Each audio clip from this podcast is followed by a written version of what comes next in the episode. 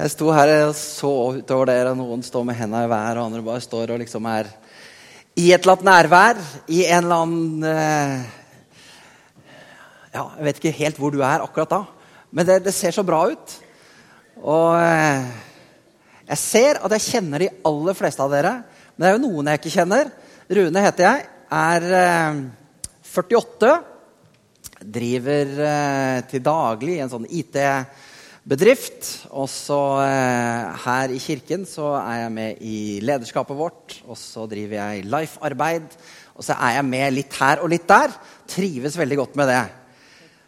Og så har jeg en fantastisk kone som sitter oppi der, heter Tove. Og så har jeg Celine der og Henriette der. Og Martin han så dere rett foran dere her. Han, eh, det er mine tre. Nå vet du hvem jeg er. Ja ja, det var ikke derfor. Eh, det se, Nå ble klokka mi borte. Sånn, nå ser jeg den igjen.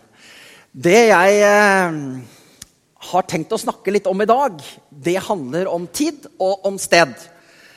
Eh, forrige søndag så hørte jeg Anette, eh, en av pastorene våre, snakke om det å ha fokus. Det å ha med Jesus i hverdagen, sette Jesus på kartet der hvor vi er. Og jeg skal på mange måter ta det der litt videre, Anette. Så du ga en fin, fin start på det, det jeg tenkte på og som jeg følte at har begynt å jobbe litt fram med mitt hjerte. Og så vet du hvordan det her er. Enten du er på jobb eller hvor du er, så skal du forberede fram til et eller annet. Så vet du at ja, jeg har noe jeg har lyst til å, å, si. Men hvis jeg bare skal si det, så er det jo gjort på liksom, to minutter. Og så skal man liksom bygge opp noe. Jeg håper jeg klarer å ta dere med på en liten reise gjennom det. Hvor mange her er født etter år 2000? Opp med en hånd. Nei, Martin, du er ikke det. det er ordentlig opp med hånda! Det var ikke så mange her i dag av dem. Nå er jo de aller fleste selvfølgelig på søndagsskolen. Hvor mange er her var født før 1940? Før 1940! Det var ikke så veldig mange av dem heller. Det betyr at de aller fleste av oss Det er veldig bra å ha dere som har eh, passert litt mer enn meg. Men er, de aller fleste av oss er et eller annet sted mellom der. ikke sant? Hvor mange av dere er det som lever i 2018, da? Ok. Da har jeg noen å prate med. Da kan du eh, ta neste slide. For det er sånn at vi eh, de siste 100 årene ser sånn ut. Eh, bare markert 40 og eh, 2000, så at dere vet hvor vi er en da. Eh, de fleste av oss da ble født et eller annet sted mellom her. Men eh, vi ser veldig lett opp til folk som kommer fra tidligere tider. Men dette her med tid, vet du, det er jo noe som ikke vi helt har kontroll over. Var det noen her som bestemte når du skulle bli født? Dårlig med hender nå, heldigvis. Det er jo sånn at vi har fått tildelt den tiden her, enten vi vil det eller ikke. De som ble født i Hvis vi tar neste Ble født i blå, det blå området her. Det er altså fra Jesus ble født, og fram til omtrent når de eldste av dere ble født. De har jo opplevd én hverdag. Det har skjedd veldig mye mellom Jesus og den tiden vi lever i. Vi vet at det ikke var biler. Vi vet at det ikke fantes PC-er. Det gjorde det i grunnen ikke når jeg var liten heller. Altså biler var det, men ikke PC-er. Eh, det har skjedd utrolig mye. Fra den tiden der så var det liksom hest og vogn. Det var kriger i omtrent overalt hvor folk bodde. Vi lever i en helt annen tid og faktisk på et helt annet sted. Sted skal vi komme tilbake til. Gud har en plan for hvert eneste liv i dette rommet her. Faktisk hvert eneste liv rundt på hele kloden.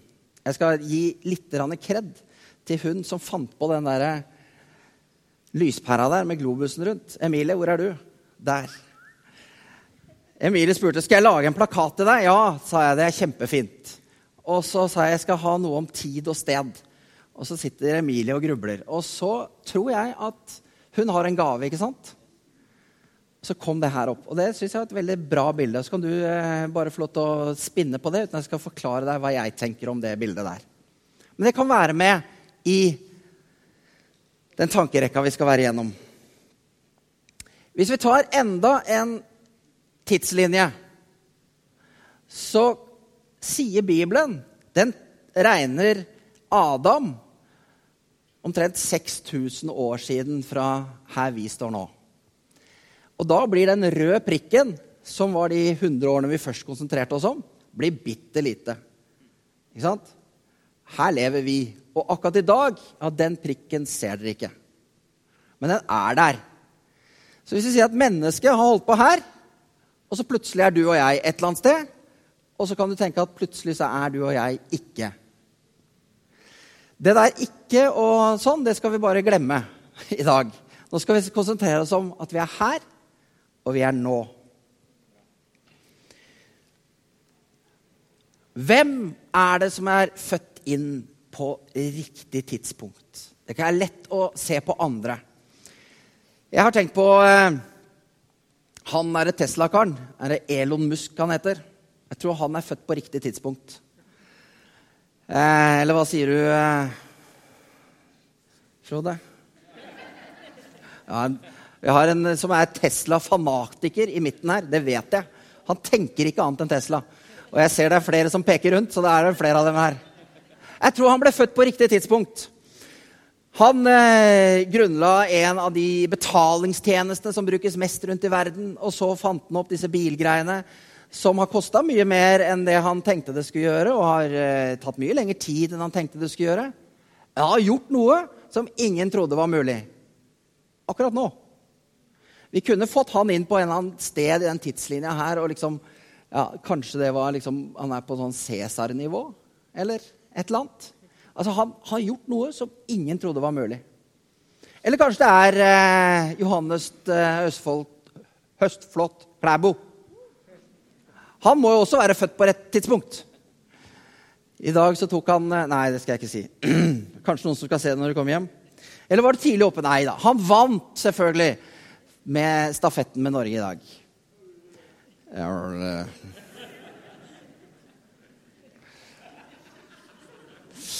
Noen tenker kanskje at det er noen som ikke ikke skulle vært født akkurat nå. og tenker at Hadde det bare vært sånn at vedkommende ikke var til stede. Vet du hva? Gud har ifølge Bibelen plassert oss alle sammen her nå. Og med en hensikt. Jeg tenkte jeg skulle fortelle bruddstykker av historien om Ester. Og derfor så, vet ikke om du så det. Har, nei, det har jeg ikke. Jeg fikk jo en Trygvason, men ikke Ester. Ester hun eh, er ca. 500 før Jesus. Klarer å se hvordan det blir? da? Litt grann til venstre for Jesus der. Der ble Ester en del av historien. Ester, hun eh, sier, eller det blir sagt til henne noe som står i Esters bok 4.14, og er det mest kjente verset i akkurat den boken. Der står det Og hvem vet om det ikke nettopp med tanke på en tid som denne at du har fått dronningverdighet? Ester, som jeg har et bilde av her Det var sikkert ikke henne, for dette er eh, et nyere bilde. Men hun kan ha sett sånn ut på et tidspunkt. Hun var ei ung jente. Hun hadde mistet begge foreldrene sine. Jeg vet ikke hvordan, men det hadde hun. Så hun var foreldreløs. Og da var det en onkel som tok seg av henne og tok henne inn i huset sitt som sin egen datter. Onkelen han hadde det artige navnet Mordekai, og han har du kanskje hørt om. Eh, og der vokste hun opp de var eh, jøder, og de levde i det persiske riket. Det var jo sånn at Jødefolket var i fangenskap. Og de var spredt utover i dette riket. Og eh, her var det da også at Ester vokste opp. Og Ester hun eh, levde da under en konge av Persia som hadde en dronning. Denne dronninga var ikke spesielt velvillig overfor kongen. Så når han eh, kom ut med befalinger, ja, så fant dronningen ut at eh, jeg vil gjøre mine egne ting. Så hun dukket bare ikke opp av og til. Og det her provoserte jo kongen. Og etter hvert så ble det jo da sånn at dronningen ikke var ønsket som dronning lenger. Og hun eh, ble bare borte fra historien. Så kongen han eh, utlyste en missekonkurranse. Det var ikke en missekonkurranse der du kunne melde deg på, men det var en missekonkurranse der hvor du måtte være med. Hvis du var i riktig alder, var jente, så rimelig fager ut, så var du altså en del av denne missekonkurransen. Og Ester, hun kom til finalen. Eh, og den finalen den varte i tolv måneder. Først var det seks måneder med makeup og hudgreier. Skikkelig spabehandling. Og så var det seks måneder etterpå hvor resten av kroppen skulle klargjøres. Og da, når hun til slutt var verdig da til å tre fram for kongen, og sånn, så ble hun valgt. Og Ester, altså en ung jødisk jente, hun ble valgt til dronning av kongen av Persia. Men eh, det var ingen som visste at hun var jøde. Det hadde hun ikke sagt, og det var onkelen som hadde sagt at hold det hemmelig. Det vil være lurt. Ok, Ester ble tydeligvis født på et tidspunkt hvor livet hennes åpna seg en helt annen retning enn det nok hun og onkelen og alle rundt henne hadde tenkt. I tillegg så hadde jo hun da et utgangspunkt som flyktning. En som ikke tilhørte det landet egentlig. Med andre ord tiden var riktig, men hva med stedet? Var hun på rett sted? Ifølge Mordekai nei, de var ikke på rett sted. De var jo i fangenskap. De var jøder, de var fremmede, de var ikke på rett sted. Allikevel så leser vi altså en historie her som er ganske utrolig. Kongen han hadde en betrodd mann. Og denne betrodde mannen han fikk rimelig stor oppmerksomhet.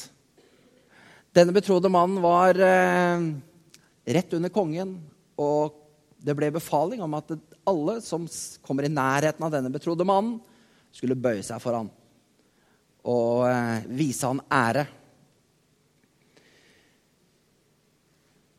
Når eh, denne mannen kom forbi Mordekai, så, sa, så gjorde ikke Mordekai det. Han nektet å bøye seg. Ja, han hadde respekt for myndighetene. Han hadde underordnet seg systemet på den måten. Men som jøde så hadde han bare én gud å bøye seg for. Han nektet å bøye seg for denne kongens mann. Så han gikk da, denne betrodde Kongens mann gikk til kongen og sa at 'jeg kan ikke ha det sånn at noen ikke vil bøye seg for meg'. Det må skje en endring. Og denne Mordekai, han må vi bli kvitt. Og ikke bare det, men han gikk til kongen og sa at 'jeg vil kvitte meg med hele dette folket'. Det går rykter nemlig om at han er en jøde. Og hele dette folket vil gjøre motstand mot oss. Og hvis ikke vi gjør et oppgjør med de nå, ja, hva kan da skje? Så eh, han tilbød til og med penger til kongen og sa at hvis jeg gir deg penger, da må jeg vel få lov til å ta livet av alle disse menneskene. Kongen, som fremdeles ikke visste at uh, Ester var av samme slag, av samme folk, han sa ja, selvfølgelig, gjør som du vil.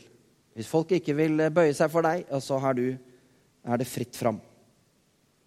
Og det var i denne situasjonen at Mordekai sa disse ordene til Ester. Og, og hvem vet? Han visste ikke helt sikkert, men han bare sa det høyt. Og hvem vet? Om ikke det er nettopp med tanke på en tid som denne at du har fått dronningverdighet. Ok, da har vi en situasjon, da. Hvor eh, Ja, de er på rett tid. De er jo født inn i den tiden, men de er ikke på rett sted i deres egen tanke. Men Gud har en helt annen plan. Ester hun inviterte kongen på fest og sa til kongen nå må du komme. Så skal vi ha en fest. Og det ble et par fester sånn på rad som dronningen arrangerte. Og det som skjedde, det var at kongen fikk ikke sove den natten før det var fest. Han tenkte på Mordekai. Så lurte han på om han ikke skulle gi ære til denne karen, egentlig, for han hadde jo vært med tidligere og hjulpet kongen. Så han inviterte Mordekai inn til festen. Og dette var en drøm eller en opplevelse kongen fikk når Ester inviterte til fest. Og jeg lurer på hvorfor. Kan det ha vært Gud? Kan Gud ha hatt en finger med i spillet når kongen, som har all makt, plutselig skal på fest til kona si, dronningen? Og så minner han han om Mordekai, som da er faren til, nei, onkelen til Ester. Som har oppdratt Ester, og som er en gudfryktig mann. Jo, jeg tror det. Så fra å Ja, rett tid, feil sted? Nei. Det må jo være riktig sted. Plutselig så åpner det seg en vei, og det endte med at Ester og Mordekai de fikk huset som denne betrodde kongens mann hadde. Han som ville utrydde hele folket. Han ble heller tatt av dage. Så ender det med at Ester og Mordekai får huset, og så får hele det jødiske folk beskyttelse. Veldig spesiell historie. Det er mer ut av den historien, men jeg skal stoppe den der. Les gjerne Esters bok. Det har jeg gjort på forhånd. Etter at jeg opplevde bare at i hjertet mitt så falt de ordene en tid som denne. Så leste jeg boka, og så har jeg sett at her er det noe Herren kan vise oss. Dette er en gammel historie. Det er en helt annen tid enn den vi lever i. Men den forteller veldig mange viktige ting. Og jeg tenker at hennes bakgrunn og oppvekst Vi lever jo i et samfunn hvor bakgrunn og oppvekst ja, det er litt sånn kaotisk. Hvor kommer alle fra, og hva Ja, ikke sant? Det å ha fokus, men vente på Guds timing, tenker jeg. Det liksom kommer opp hos meg. Ha tillit til at Herren har en finger med i spillet. Det var ikke Ester som gjorde at kongen fikk tanker om Mordekai. Men det var Esters handling om å invitere til fest.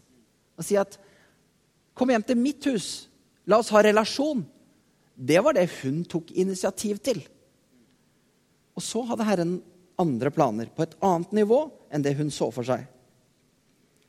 Så det å tørre å handle og tro på at det finnes en som har større oversikt. I Markus 15 så står det Tiden er inne. Guds rike er kommet nær. Og det var det jo eh, Johannes, tror jeg, som sa når Jesus var på ferde. Johannes døperen. Nå er det tid, dere. Den tiden er ikke over. Den er vi midt inne i. Men ikke bare er det at den tiden er vi inne i, men vi er jo på et sted hvor Guds rike er nær. Og da er ikke dette geografiske stedet poenget i det hele tatt. Fordi at Guds rike er nær overalt. Det er nær her, Det er nær i Dallas, hvor Morten er akkurat nå. Det er nær der hvor du er vokst opp, og kanskje familien din er akkurat nå. Den er på skolen din, på jobben din, hjemme hos deg. Guds rike er nær. Så stedet, det handler om hvor er vi? Når Jesus plukket opp disiplene sine, han gikk langs Genesaretsjøen, inn i landsbyene, så, bare, så ser det, jo, det ser helt tilfeldig ut. Plukka opp noen der som fiska, noen som holdt på med litt eh, handel her. Og så var de plutselig en flokk. Ja, det så ganske tilfeldig ut. Men de var på rett sted til rett tid. Jeg tror, en, jeg tror Jesus hadde en eh, Han hadde sett disse gutta på forhånd. Det tror jeg. Akkurat som han ser oss hver eneste dag. Han vet hvilke planer han har for oss, står det i Bibelen. De gutta var ganske usikre. Og eh, det toppa seg når Jesus ble tatt til fange i Getsemane. Da var de så usikre at de fløy hver sin vei, hele gjengen. Men når pinsedagen kom, så var det en frimodighet som ligner sidestykke. Som ikke har sidestykke. Det er, altså, det er en totalforvandling mellom det Peter gjør da, rett etter at Jesus blir tatt til fange, fornekter alt, til at han står framme og forteller til hele folket, alle som er til stede, at den Jesus som jeg tror på, det er han som gjør disse tingene. Det er han som har gitt oss denne kraften. De hadde hatt en relasjon til Jesus, og nå hadde de fått Den hellige ånd over seg relasjon til Jesus og Den hellige ånd over livet sitt. Det gjorde hele forskjellen. Ta neste. Ikke om dere så at jeg la ut den på Instagram. Jeg tenkte at det her det er noe av det beste som er sagt på lenge. Og Det hørte jeg på morgenandakten på eh, NRK for en ukes tid siden. Celine og jeg satt i bilen og hørte på eh, Trygve Skau, og han sa akkurat det her. Det handler ikke om den som følger etter, men om han som går foran. Disiplene var jo ikke noe spesielt. Men det at de fulgte Jesus, gjorde dem veldig spesielle. Øystein Husvik, du sitter der. Hørte du var på ungdomsmøte med på fredag og fortalte bl.a. den historien hvor du satt på den puben borti Sandvika her med Bibelen på bordet, og det kommer folk og sier 'Øystein, er du her?' Ja, så var Øystein der med seg selv, sin bibel og det han hadde på hjertet å kunne dele med de andre som kom inn på den puben. Hva visste du, Øystein, den gangen om hva som skulle skje i ditt liv? med Hviterussland, Bulgaria Nei, Romania og Ukraina. Alle de tusenvis av mennesker som du har fått lov til å være med å berøre. Gjennom at du sa ja til en sånn liten handling som starta i hjertet, om å gå ut blant folk som var her i Sandvika.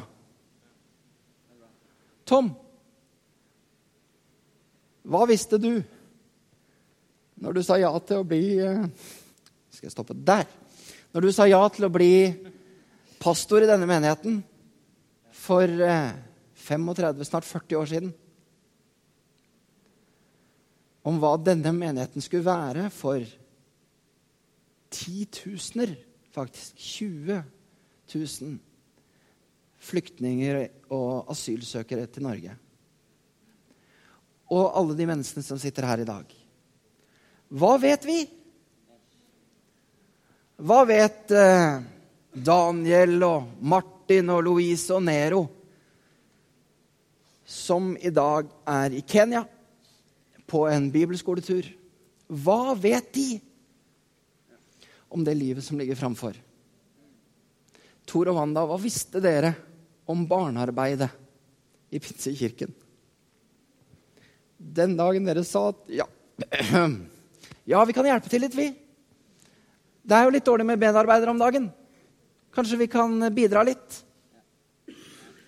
Visste ingenting, dere, om hva Herren hadde planer om alle disse hundrevis av barn som har vært gjennom søndagsskolen i de årene. Takk, Martin. Jeg skal prøve å ikke komme med flere tårer, men dette her berører bør i hjertet mitt i hvert fall. Vi er kalt til å være etterfølgere.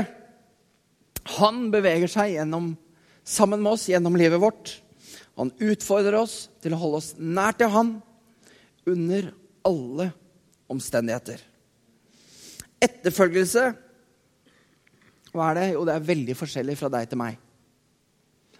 Vi er forskjellige alle sammen. Vi har forskjellige personligheter, vi har forskjellige gaver, vi har forskjellige måter å takle ting på. Men etterfølgere, det er vi blitt kalt til av Jesus. Han sa 'følg meg'.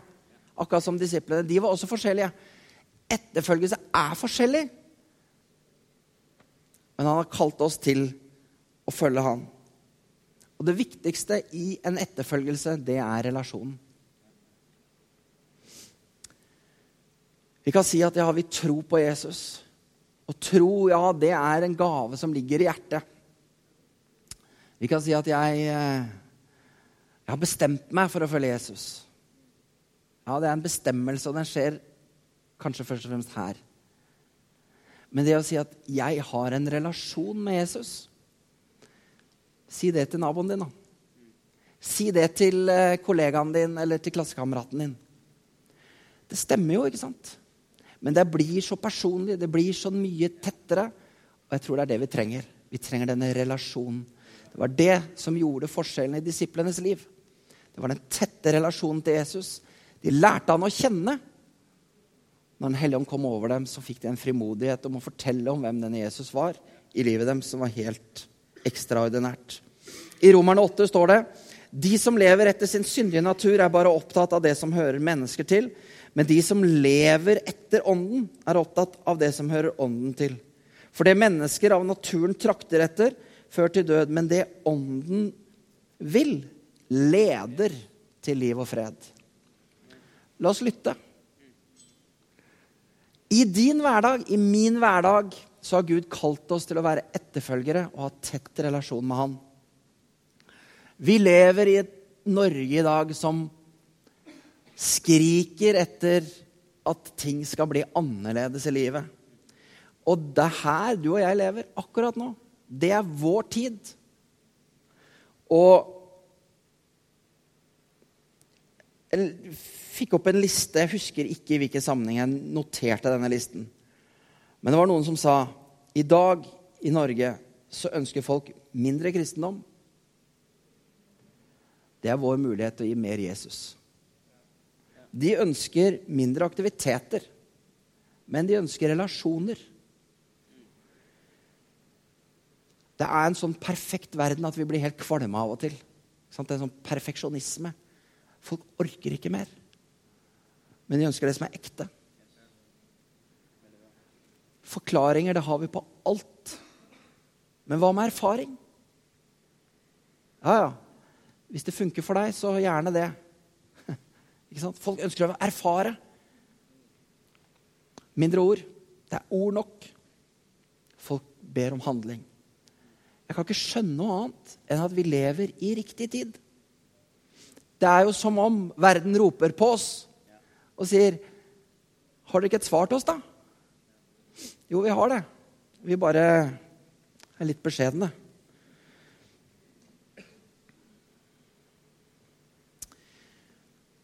Ta neste. Vi er på rett sted i Norge. Vi er på rett tid i 2018. Og så kan han ta den siste.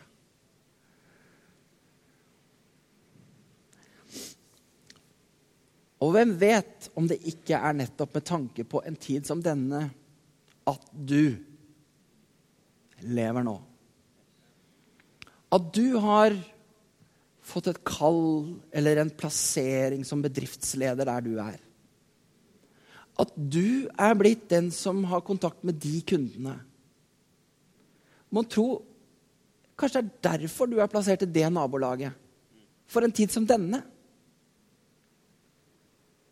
Kanskje det er derfor du har valgt dette studiet som du er i. For en tid som denne. Jeg tror på Guds ledelse. Men jeg tror også at vi av og til bare handler. Ikke fordi at vi føler at det er en ledelse, men fordi at vi har sagt 'Jesus, ta livet mitt. Her er jeg.' Og så av og til så velger vi ditt, og så av og til velger vi datt. Og så plutselig opplever vi at 'Å, Gud er jo der!' På dette stedet. Men det hadde jeg ikke planlagt. Det var jo ikke noe stemme inni her som sa at jeg skulle være her akkurat nå. Men når jeg er der, så oppdager jeg plutselig at oi, her har jo Gud planlagt et eller annet.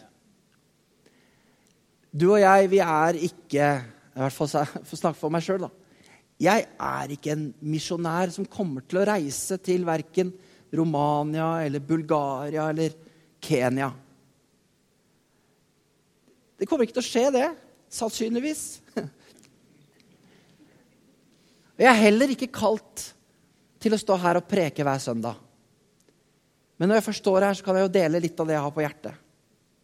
Du er kanskje ikke kalt, du heller, til å plante menighet eller drive med evangelisering i Sandvikas gater.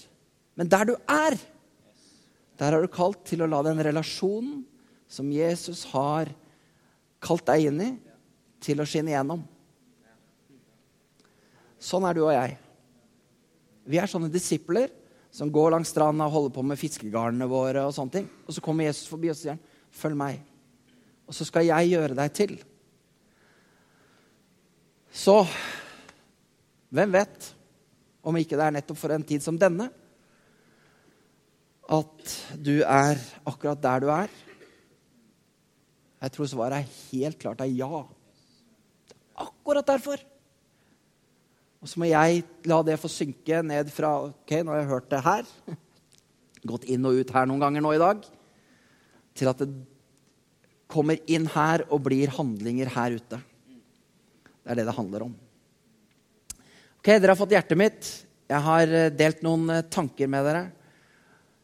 Skal vi ikke bare be Den hellige ånd om å få ta disse tankene videre inn i handlinger og inn i vår hverdag, Jesus? Jeg takker deg for at du alltid er til stede når vi setter fokus på deg, Herre. Jeg takker deg for at du er til stede gjennom tilbedelsen og lovsanger, og du er til stede gjennom ditt ord, Herre. Og når vi løfter fram dine prinsipper, så vet vi at det har eh, evighetsverdi. Så fordi om vi er plassert inn i en tid som i evigheten virker veldig liten, Jesus, så, så vet du alt om oss. Og du tenker at det finnes ingen tilfeldigheter. Du ønsker å bruke oss der vi er på dette tidspunktet, her. Så vi bare ønsker å framstille livet vårt nå, Jesus, som ditt redskap for denne tiden, Herre. For dette stedet, for mitt nabolag og mine kollegaer og min familie, Jesus. Jeg takker deg for at du har noe for hver eneste en av oss. Hellige Ånd, jeg bare ber om at det her får lov til å gro til eh, noe stort. Til det du har planlagt for livene våre. Jeg ønsker å velsigne hver eneste en som står foran meg og bak meg her, Herre. Takk for at ditt liv er et eksempel, Herre. Og at livene til de som har gått foran oss, er til eksempel på at det å leve fullt og helt for deg, det lønner seg, Herre. Halleluja. I Jesu navn, amen. Amen.